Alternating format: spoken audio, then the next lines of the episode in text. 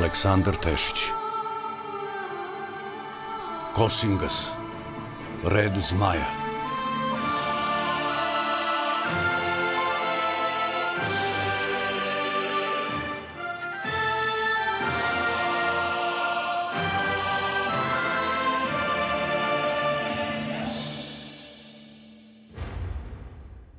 Epizoda 14. Gubi duša.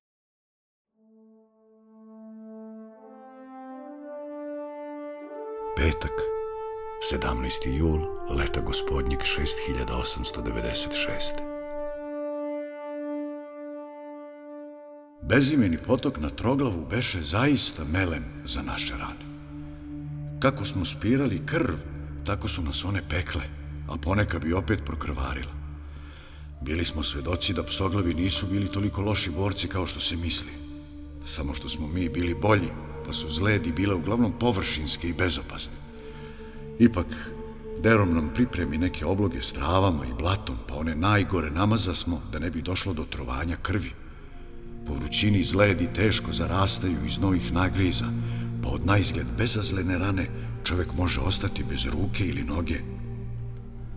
Kad smo završili s vidanjem rana, Marko i ja obrvani polega smo na travu i osjeti smo kako nas umor sustiže, a ruke i noge kao da su nam od tuča. Vidi Derom da nismo izdržljivi kao on, pa se pomiri s tim da nas mora ostaviti da se kovarnemo, a on još odmoran zauze busiju na jednom uzvišenju 50 koraka iznad nas i stade da osmatra okolinu za svaki slučaj. Nije bilo razloga da se plašimo seljaka ili zalutalih psoglavih, ali opreza nikad dosta. Možda je Marko bio najumorniji jer ga je kletva bila obrvala, pa je zato skoro odma zaspao. Ja sam ležao naslonjen na jedan kamen iza koga je potok bučno žurio nizbrdo i malo sam žmurio i odmarao se, malo razmišljao svemu što nam se desilo, pokušavajući da pohvatam sve niti koje su nas kao lutke pokretale i usmeravale. Zateći jednog diva Međedovića i Todorca kod Morane bilo je neočekivan, ali je dobro došlo, jer mi neke stvari behu jasnije. Zaista su Todorci okupljali velike snage za poslednju bitku. Glavnina snaga su im bili psoglavi, a pojačanje divovi, verovatno i vodenjaci, kako mi rekošane, rusalke na Ibru. Ako Hrom i Daba uspe da pomiri svadljive strane i okupi ih pod svoj barjak, onda će njegove horde brojati više nego što zvezda ima na nebu. A mi? Gde smo mi u svemu tome? Zasad nas je trojica. Od Lazara nismo mogli očekivati vitezove jer su mu trebali za Osmanlije. Ani brđana u omoljima nema toliko da bismo mogli da se odupremo najezdi zada. A ipak, nadu mi da je strah koji Hromi Daba ima od mene, a posebno od Marka. Kao da je znao nešto što mi još nismo otkrili i pribojavao se toga. Samo je jasno da se njegov obruč oko nas steže i da je svakim danom sve opasnije. Morat ćemo da pružimo korak ka jastrebini, velikoj tvrđavi zmaja od jastrebca i da stignemo na skup vitezova reda zmaja. Sigurno ćemo tamo saznati što što još, što se dešava pod našim nogama. Možda se gospoda rada upravo toga pribojava, da ćemo stići u jastrebinu.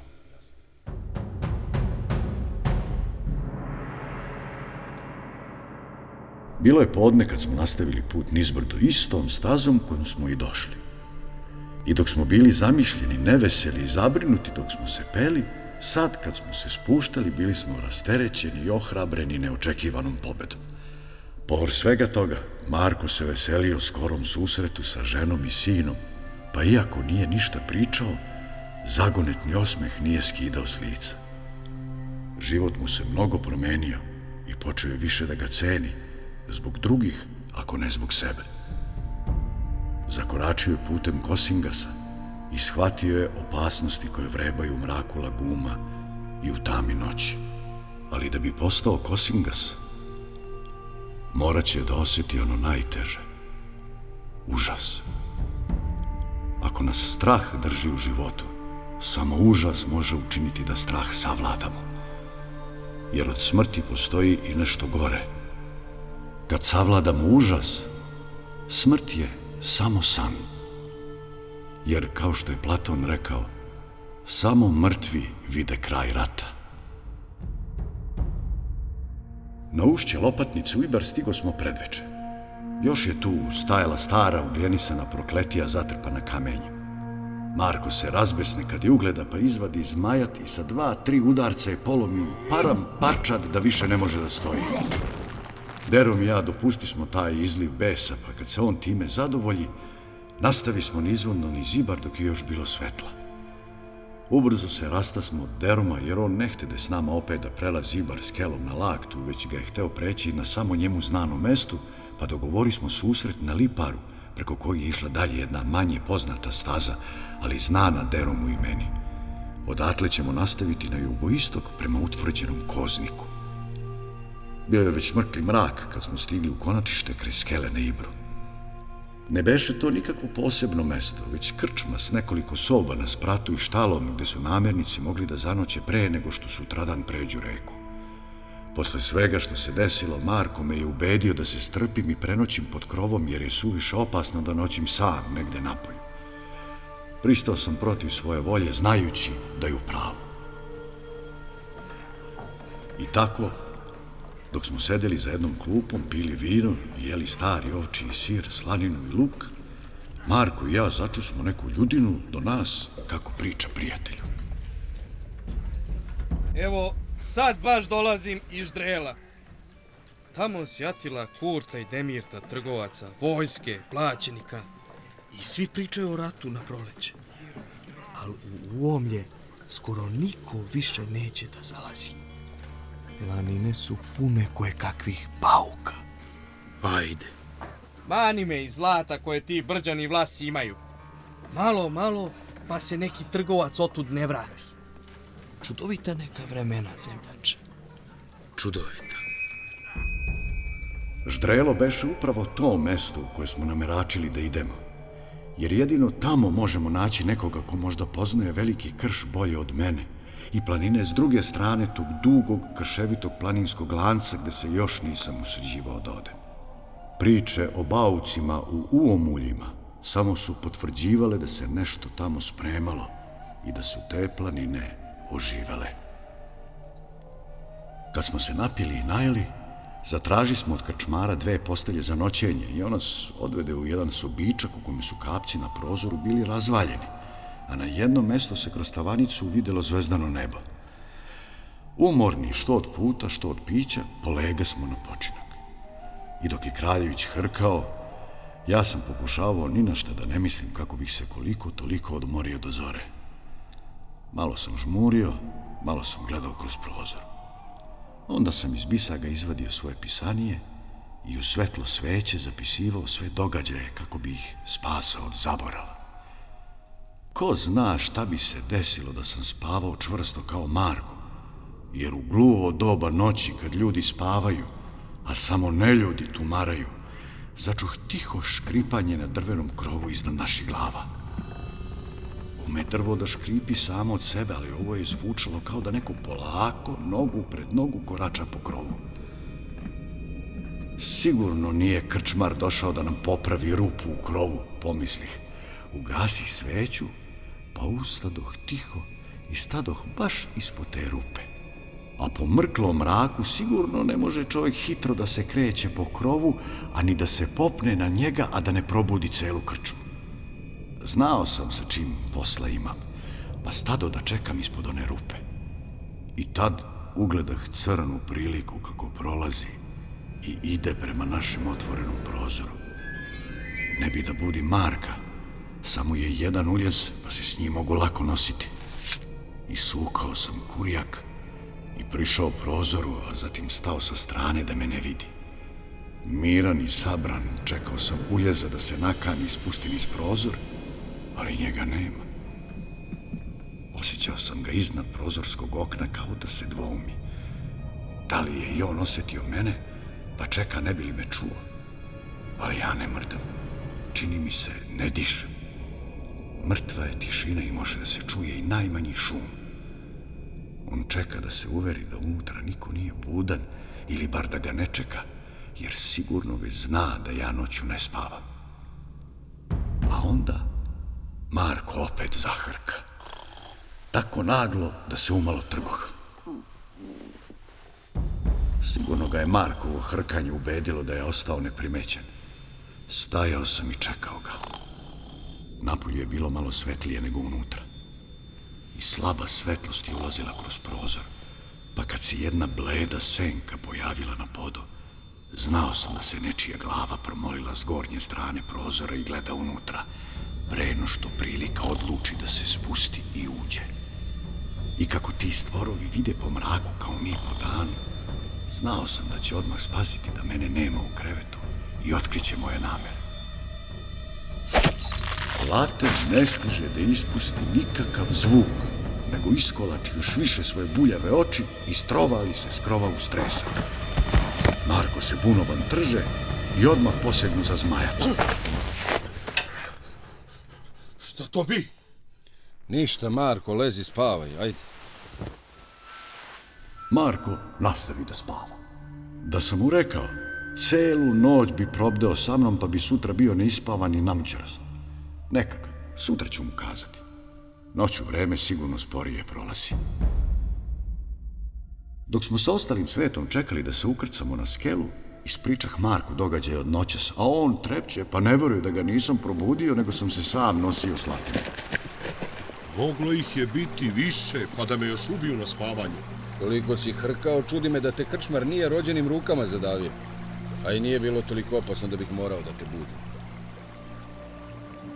Na obali se sjatilo 50 ljudi i nešto tegleće marve i čeka smo da se Skeleđija nakani da nas ukrca jer petljao je nešto oko sajle kojemu se bila olabavila.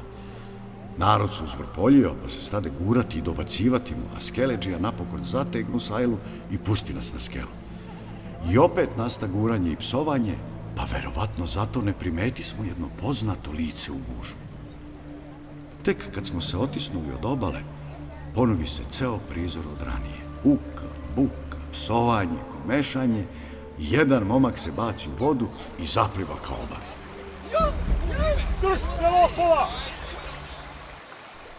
Brzej, koji je opet nekoga pokrao, po starom običaju potražio je spas u vodi.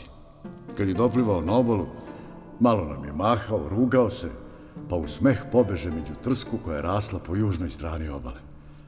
Ne mogah da se otmem ranijem utisku da mi je momak po izgledu drag i da nema baš ničeg pokvarenog u njemu, što je svakako čudnovato za jednog lopova.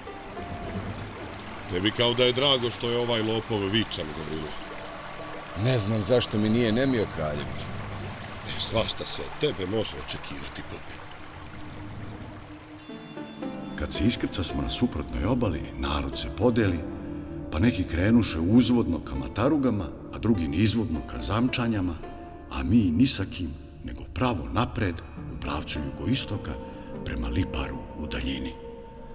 Računali smo da ćemo se sastati sa Deromom za manje od dva sata.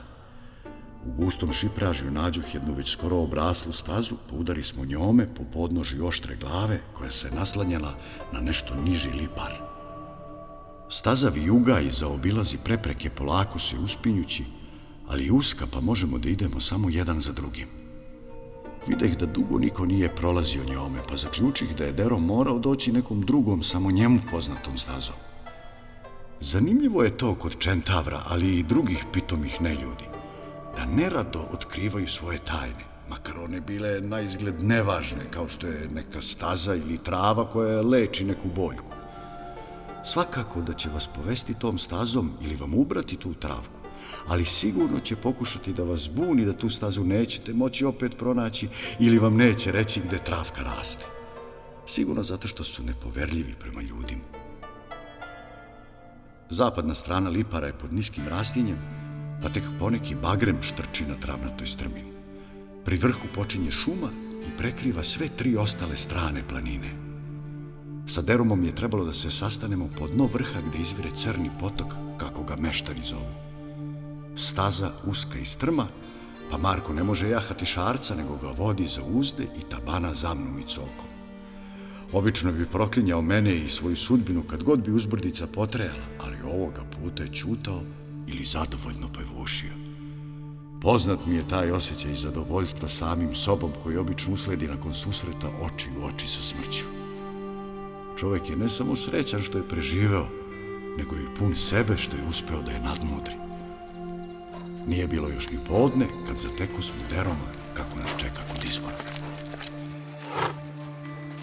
Zdravo, učitelji. Ne gubimo vreme, nego odmah da nastavimo put. Sinoće si napao latem na spavanje. Nije ni čudo. Šumu su preplavile priče o Moraninoj smrti. Lesnici i šumske majke pričaju i prepričavaju kako je gospodar Hromidaba primio vest o smrti njegove konkubine. Kažu da je glasonošu jednog drekavca golim rukama raskomadao. Da je u besu rušio sve oko sebe. I da je njegov krik odjekivao adom. Na kraju je zapretio svima koje bude slao na nas, da mu se ne vraćaju na oči ako nas ne ubiju, jer će ih on baciti alama. Kažu da ne prestaje da kipti od jarosti i bičem tera sve oko sebe da rade što brže na ratnim pripremama. Navuko smo na sebe njegov gnev. A kad on pa nije bio besan na nas, moj derome? Već 20 godina preti napada. Pa smo već oguglali na njegovu mržnju. Ali sad je drugačije, Gavrilo. Ratnik iz proročanstva se pojavio i svi su izgledi da proročanstvo nije isprazno najavljivalo propast Ada. I gospodar Hromidaba okuplja i naoružava svoje horde. Smrt u ratu svakako je najčasnija. U tome se svi slažemo. Nego pružimo korak da bismo što pre stigli kod mog tasta, koliko čujem, jedan časni skup čeka na nas. Niti oni nas čekaju, niti ti žuriš zbog skupa. Nego ti je milo da vidiš svoju jelicu i sina Mateja, priznaj, kraljević. Skup će se okupiti pred naš dolazak. Znaju oni da smo mi još daleko. Vitezovi iz reda zmaja ne dolaze ni ranije ni kasnije, nego u pravo vreme. Kao što je nas obavestila Vila Ravioil, tako će njih neko drugi. Pa ne moramo baš ni da se vučemo ko previjeni. Ajmo, ajmo. Staza nas je vodila isprva na jug prema vrhu Jelku, da bi zatim vencem skrenula na jugoistok preko ozrena. Celim putem bili smo u hladovini šume, pa je vrućina bila podnošljiva. Ali nebo se na zapadu zamutilo, a vetar je stao, što je sve najavljivalo kišu do večeri. Bilo je još rano popodne kad smo sa litice sedlo na obodu ozrena podno nas ugledali selo Vilovo, na istoimenoj planinskoj rečici koja je tekla između ozrena i stolova i delila te dve planine. U kotlini ugnezdilo se selo Vilovo sa svojih 50 kuća i nekoliko vodenica na brzoj vodi. Nisam poznavao nikoga odatle, ali čuo sam za selo iz raznih priča od vilinskog naroda koji je pripovedao da su u tom kraju ljudi i vilenjaci dugo živeli u slozi, pa su u neko davno vreme i svom selu dali ime Vilovo. Povod je bila poplava posle dugotrajnih kiša kad je reka Vilovo nadošla i usred noći odnela skoro sve kući u selu i podavila polovinu meštana. Kažu da bi bilo i više mrtvih da im vilinski narod iz okoline nije pritekao u pomoć i spasao što se još spasti moglo. A onda je došla crkva i ljudi su počeli da mokriću leđa, da napuštaju svoje stare običaje i drugačije da gledaju na vilinski narod. A vilenjaci su ti posebna sorta. Ne mogu da žive s nekim ko ih ne voli, jer kažu da ih mržnja boli, pa su morali da se ocele i zauvek napuste ove krajeve. Zato se možda nisam protivio kad je Marko predložio da prenoćimo u selu, da nas kiša ne uhvati nepotrebno negde na putu, jer sam želeo da vidim to selo i njegove vodenice za koje kažu da su ih vilenjaci napravili svojim prijateljima još pre 500 godina i da još uvek rade. Znam da se Derom nije s tim slagao jer su čentavri navikli da se kreću do duboko u noć i zastajali bi radi odmora samo nakratko. Osim toga, izbegavali su ljude, pa se dogovori smo da se sutra izrana nađemo na reci Kamenici na mestu gde se Vilovo uliva u nju. Tako se opet rasta smo od Deroma, a Marko i ja se uputi smo pravo dole u selo. Dobro će nam doći da se sklonimo od letnjeg nevremena. Dok smo tabanali prašnjivim putem koji je viugao zajedno s rekom i ulazili u selo, mogao sam da osjetim duh davne prošlosti. Čak i Marko zastade da im se divi, jer tako nešto nigde nije video. Sve što smo videli izgledalo je drugačije nego drugde. Lopate su bile okrugle, motike s oba kraja oštre, kofe s drškama u obliku pupoljaka, lavori u obliku hrastovog lista. Videlo se da ovaj svet nekad bio vrlo blizak s vilenjačkim narodom. Do sad, gde god bismo se pojavili, celo selo bi nas dočekalo, makar i sa vilama u rukama, a ovde, tek kad smo dobro zagazili u selo, ljudi počeše da izlaze ili da radoznalo vire kroz prozore. Kad stigo smo, mislim, usred sela, na čistinu gde se uzdizao jedan veliki stari hrast zapis, narod poče da se okupi oko nas. Hrast je bio neobično veliki i širok, pa su mu neke grane dosezale i do druge obale. Bilo je to za njega neobično mesto, jer se ovakvo drveće redko nalazi na samoj obali reke. Kad bolje pogledamo, vidimo da je on po sredini šupalj i da čovek na konju može lako da prođe kroz njega. Korenje koje je ponegde virilo iz zemlje izgledalo je kao noge koje svakog trenutka mogu da ustanu, pa me je podsjetilo na staru gobinu. Kojim li bogazama on sad tumara? I ljudi su ovdje izgledali drugačiji. Bili su čistiji i uredniji, počešljeni i umiveni, nimalo nalik narodu koji smo drugde sretali. Žene su im posebno doterane, s cvetnim vezom na haljinama, a neretko i s cvetnim vencima u kosi. Pomislih da ću među njima videti i vilenjake, ali nije ih bilo. Međutim, ovaj narod je svakako bio pod jakim uticajem iz prošlosti. Pomaže Bog putnici. Dobronamerni su uvek dobrodošli, mada se ovuda redko prolaze. Putevi ne vode nikud, samo u planinu. Ja sam Borilo, starešina sam. Monak Gavrilo. A ovo je Marko. Jeli, Gavrilo kažeš? Da nisi ti onaj zmajeviti Gavrilo? Za mene kažu da jesam zmajevit. Ali po muci, ne po rođenju. E pa takvi su najbolji. Iskovani znojem i krvlju. Znamo mi za tebe i za red zmaja, a i ti verovatno znaš za nas. Čuo sam lepe priče iz prošlosti. I tužne iz sadašnjosti. A ti si onaj kraljević Marko koji napusti svoj presto pa sad putuje s monahom. Imamo važna posla pa ih zajedno svršavamo. Vremena su takva da je bolje što manje znati, jer kad te neko posle pita, vidjet će ti u očima da ne lažeš. Nego, dobro ste nam došli. Budite naši gosti i taman ste stigli pre kiše. Borilo nas povede ka svojoj kući na drugoj obali reke i zaista, tamo kad smo prelazili most, prve kapi kiše padoše po nama. Dođe smo pred njegovu kuću koja se nije mnogo razlikovala od drugih, a na vratima se pojavi jedna starica koja samo klimnu glavom i bez reči uze uzde i odvede coku i šarce iza kuće.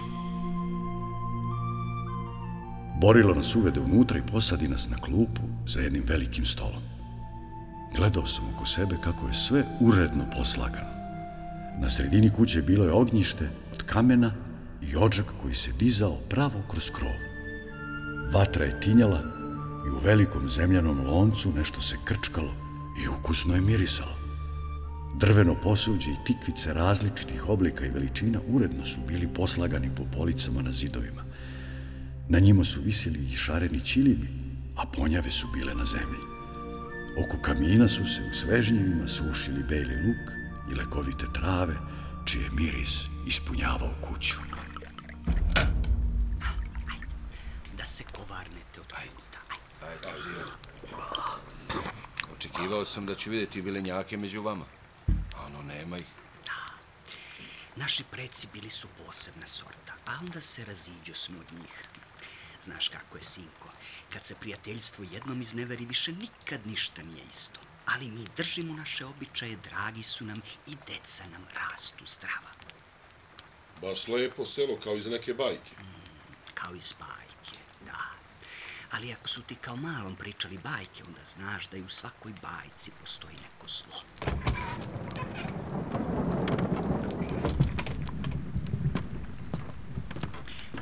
Životinje su pod zaklonom, ne brinite. Nemojte moje travuni zameriti što čuti, jer ona ne može da govori. Što? Od straha joj zamro jezik.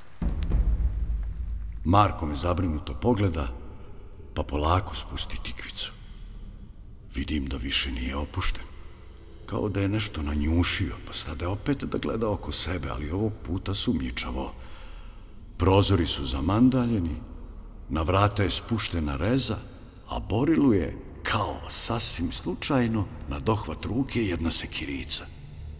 Čudnovato je kako čovjek primeti takve stvari na prvi nagoveštoj opasnosti.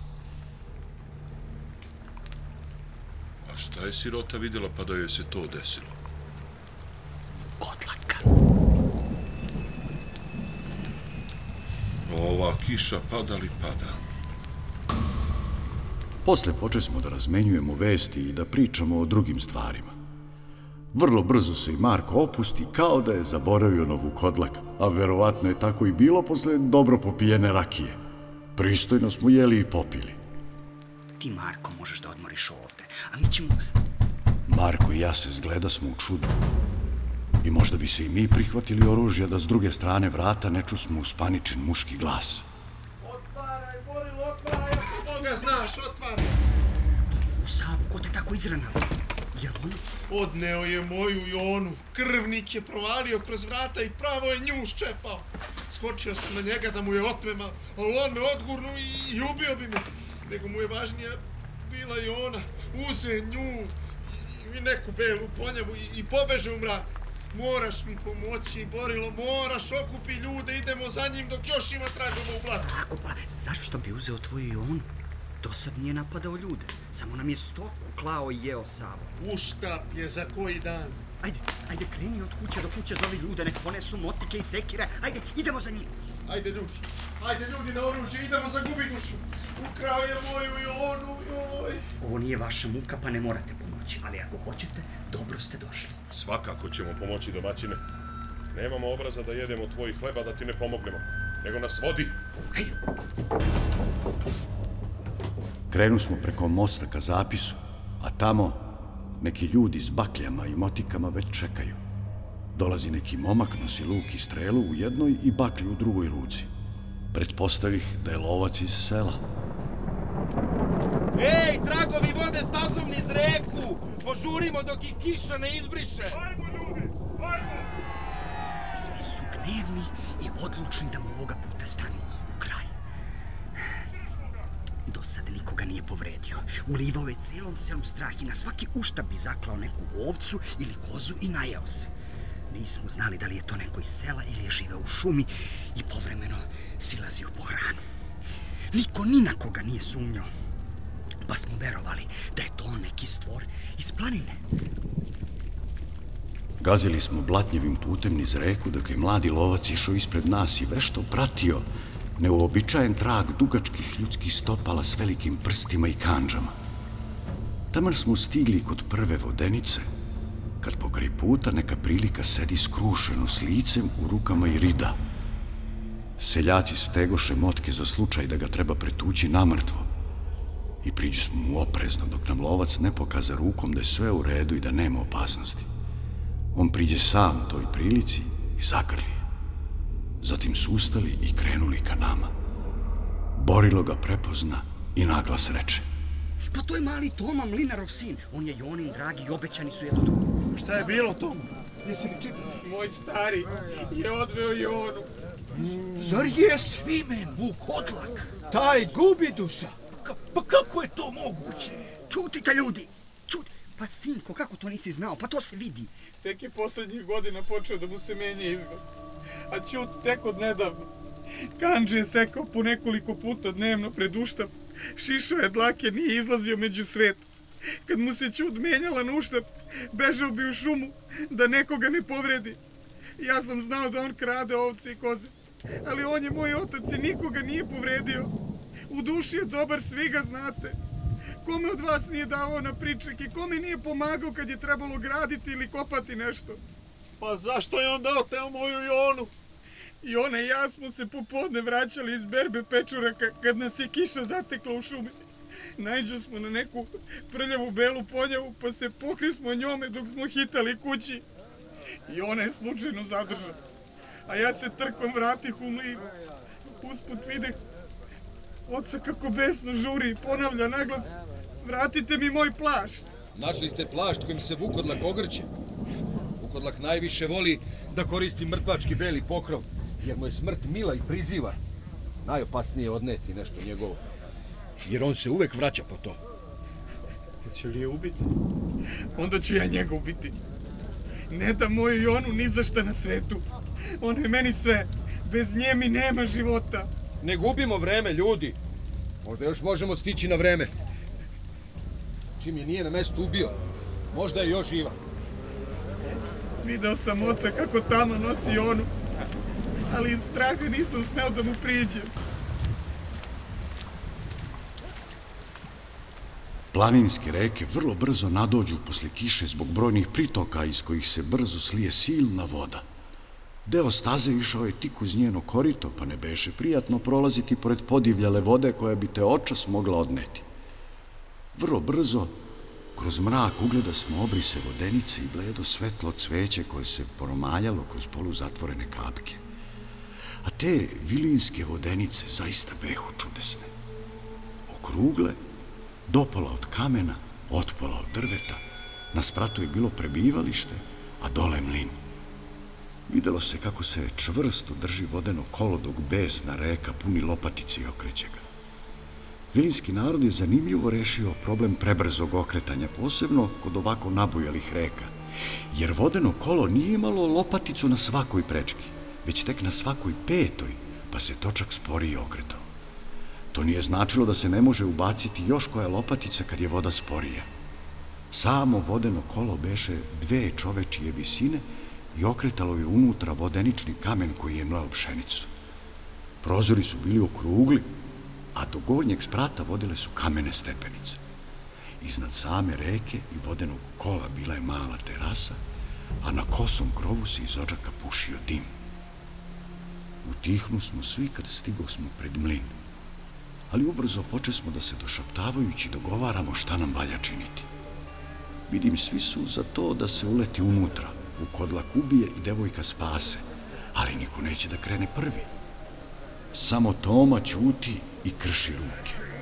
Žao mu oca, ali izgleda još mu je žalije drage Jone, pa je rastrzan i ne zna šta da kaže. Ubrzo se i neki drugi pokolebaše, setivši se valjda svimenove dobrote, pa ne bi da mu tako olako presude. Možda da ga samo proteramo iz sela. Neka ide u planinu i neka juri zečeve i srndače. A šta ako opet nekoga napadne i ubije? Treba ga odmah pogubiti i bit ćemo mirni. Eh, Ajde prvo da vidimo da li je i ona živa, pa ćemo mu onda presuditi. Možda je nije ubio, a ni mi nećemo morati da ubijemo njega. E, kad si tako pametan, uđi ti pa vidi da li je živa, a mi ćemo te čekati ovdje. Ja mislim da ga treba odmah spaliti s vodenicom. Da je i ona živa, čula bi se kako zapomaže. Nikako. Možda je još živa. Prvo je moramo spasiti. Dobro ljudi, dobro. Idem prvo ja, vi ostanite ovdje. Meni nije prvi put da se hvatam u koštaca sa kojakim bavcima. Bolje je da ne strada više niko nespreman. Ili nedužan. Mi smo ovdje ako ti zatrebamo. Da pođem s tobom. Bolje je da ostaneš ovde i paziš na njih. Znao sam da sa vukodlakom nema nadmudrivanja, pa izvuku kurijak spreman da ga upotrebim ako zatreba. Dođeg do dna stepeništa, pa pošto smotrih oko sebe, krenuh polako gore. Popeh se uz desetak visokih stepenika i stadoh tiho uz vrata. Spustio sam uvo na njih i osluškivao. Unutra se ništa nije čulo. Prozor mi nije bio blizu da bih mogao da provirim kroz njega. Stegnuh kurijak u desnoj ruci, a levom polako pomerah rezu na gore. Prvo sam u čošku ispod prozora ugledao sklupčano devojče kako se trese od plača, ali se malo pocepane haljine nisam video nigde krv, pa odahnuh. Vide gde je živa i nepovređena, jer da je Vukodlak hteo da je rastrgne, svuda bi bilo krvi. I dalje sam polako otvarao vrata i tako video sve više od prostorije pred sobom. A onda spazih priliku koja sedi na podu, rukama čvrsto obavivši kolena kao da ne da nogama da se ispruže, da hodaju. Sav se tresao. Video sam pognutu glavu, vrat mu beše sav dlakav, a po rukama velike crne malje. Umutao se u prljavu belu ponjavu i miruje. Ohrabren ovim što vidim, polako zakoračih unutra i dalje čvrsto držeći kurjak u ruci. Svimen brzo podiže glavu, pa se iznenadi što vidi nekog nepoznatog na svojim vratima, pa još s mačem u ruci. Bilo mu je jasno šta se događa, ali ne reče ništa. Vidim da ga kletva popušta i da se vraća u čoveka, ali još ima malje po licu i rukama, da iz usta mu vire veliki očnjaci. Ali zato su mu oči ljudske i ispunjene očajem i tugom.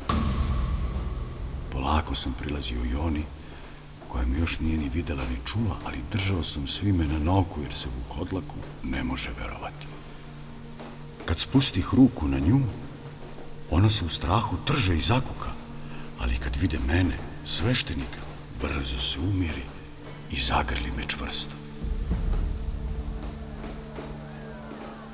Nisam ni primetio kad je Savo dotrčao do njegove jone, jer me iznenadiše ljude koji počeše da bacaju svoje baklje na vodenicu.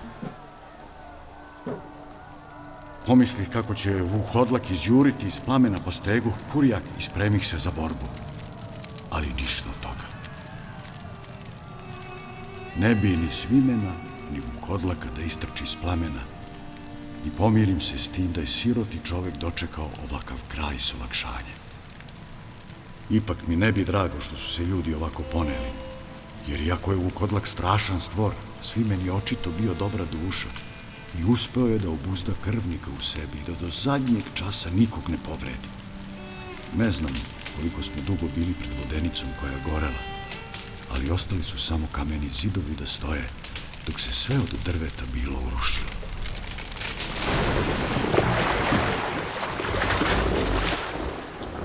Na kraju je reka uspela pobedonosno da odnese veliko vodeno kolo.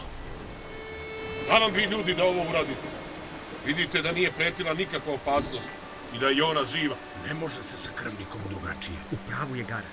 Opet bi taj napao i taj put bi ubio. Vidim Tomu kako grli svoju Jonu, a Toma opet rastazan bolom za ocem, plače za njim, ali srećan što je ona živa. Jako je grli i ljubi u kosu. Gledam u njih, lep i srećan par ali pribojavam se njegove sudbine. I Gara, kao da čuje moje misli, zavapi. No šta ćemo sad sa Tomom? I on će se sad povukodlačiti. Šta pričaš? Zašto bi se on povukodlačio? Kako zašto sad? Valjda znaš da se ta kletva prenosi sa oca na sina. Nije to istina. Onaš. Da je žensko, Toma ne bi morao da se brine. Ali ovako će i on jednom na uštap da postane vukodlak. Mogao bi da ti rastrgne Jonu sam. Jona, idemo. Ljudi, držite ga. Tomo, ne dam te, Tomo. Tomo. Dosta je bilo. Ubiste svimena na pravdi Boga, iako nikog nije povredio. Mogli ste da ga otarate u šumu, ne da ga ovako ubijete. A sad biste još i da mu sina ubijete, iako momak nije obolao. Ti se, Gavrilo, razumeš u ove stvari. Pa nam kaži da li će se Toma pretvoriti u Vukodlaka kad mu za to dođe vreme. Ne mora da znači da će se tako desiti. Lažem ih, ali ne mogu dopustiti da ubiju momka kad još nije ni pod kletvom. U srcu znam da će jednog dana kao njegov otac podleći nagonu i pretvoriti se u tog krvnika. Ali sam verovao da bi mogao kao njegov otac da se obuzda i da ne povredi nikoga oko sebe. Ili sam se samo nadao? Ja, koliko znam, samo je pitanje vremena. A onda može ubiti i onu ili možda njihovu decu, ako je budu imali. Ili će pak na svoje sinove preneti kletvu. Zato ova sekira na ranu. Ne možete ga ubiti, ljudi! On je tek momak i nikome ništa nije nažao učinio. Ne dam svoje dete gubi duši. Ma smirite se ljudi. Ne, ne bih nikad povredio moju Jonu ili nekog od vas. Ja nju volim više od svog života. Nećeš tako misliti kada odlakaviš i pustiš kanđe i očnjake. Šta ako je u tom nagon ubiješ? Ili neko svoje tek rođeno dete? Razmisli malo. Ta kletva se prenosi sa oca na sina. Kad tad ćeš osjetiti glad i želj za krvom? Toma me tužno pogleda kao da u mojim očima traži odgovor. I ja pogreših što ne skrenuh pogled ili što bar nisam bio tvrđi, jer je on u meni video da je to istina i da će se jednog dana pretvoriti u krvnika i da možda njegovi voljeni mogu stradati. Ali taj dan je bio još daleko, a možda ga ne bi ni doživeo ako umre ranije. Sva nada se svodila na reč možda ali u tužnom Tominom pogledu ne videh to, već samo očajanje i bol što ga je zadesila takva sudbina. Ne bih ja nikad naudio moje Joni. Šta? Ne, nemoj, pa nemoj! Toma se baci na moj kurjak. Rezivo mu se zabolo duboko u stomak.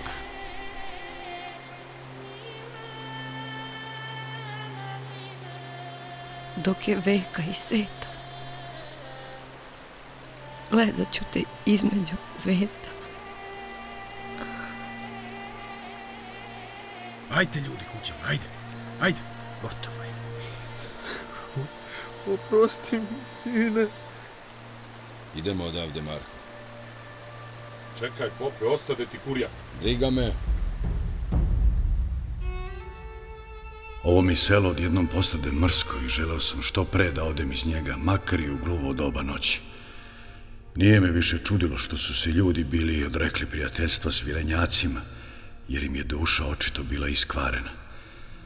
Ne znam koliko je vremena tačno prošlo, jer sam uveliko radio ko svog magarca, kad se na vratima pojavio Marko. Nosio je kurjak, čist. Dao mi ga je bez reči, pa i on stade do sedla vašarca. Ne znam da li je plakao ili mu je lice bilo mokro od kiše, ali vide da je njemu mnogo teško, pa ćuti i ništa ne govori. Na kraju smo obojica bili spremni da krenemo. Borilo nas isprati sa vrata svoje kuće. Ni on nije imao šta da kaže, niti je smeo da nam noći izađe. On je najbolje znao šta sam mislio o njima. Mahnu smo jedan drugom i više se ne okrenuh za sobom, već glavinja smo kroz kišnu noć stazom pored zahuktale reke i prolazi smo jedan po jedan vilinski mlin. Od ove noći ima ih jedan manje. Ko zna koliko će ih još nestati s vremenom.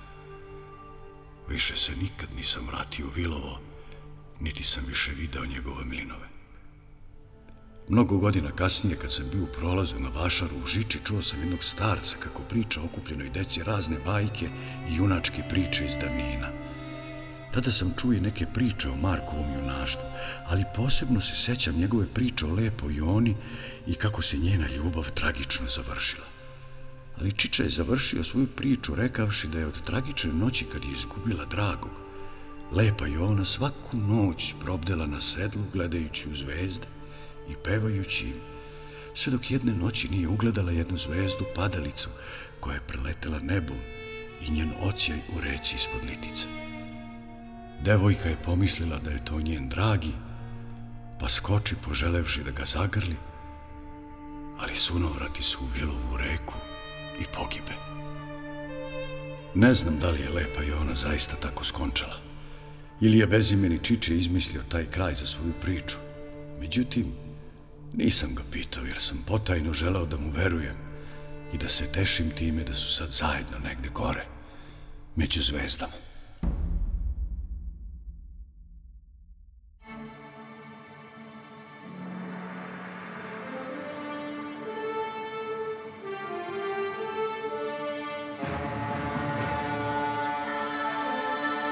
Slušali ste 14. epizodu Kosingas, Red Zmaja Aleksandra Tešića.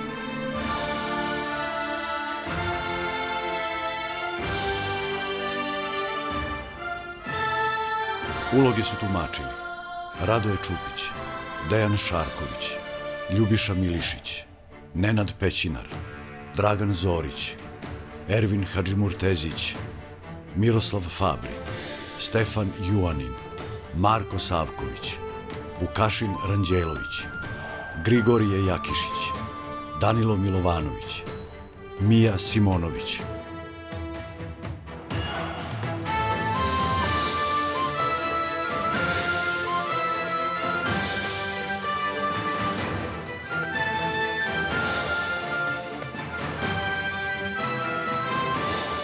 Dizajn zvuka Aleksandar Marković. Ton majstor Milorad Ićitović. Reditelj Manuel Srbin. Kompozitor Nikola Jeremić. Organizator Suzana Simić. Urednik dramskog programa Slobodan Govorčin.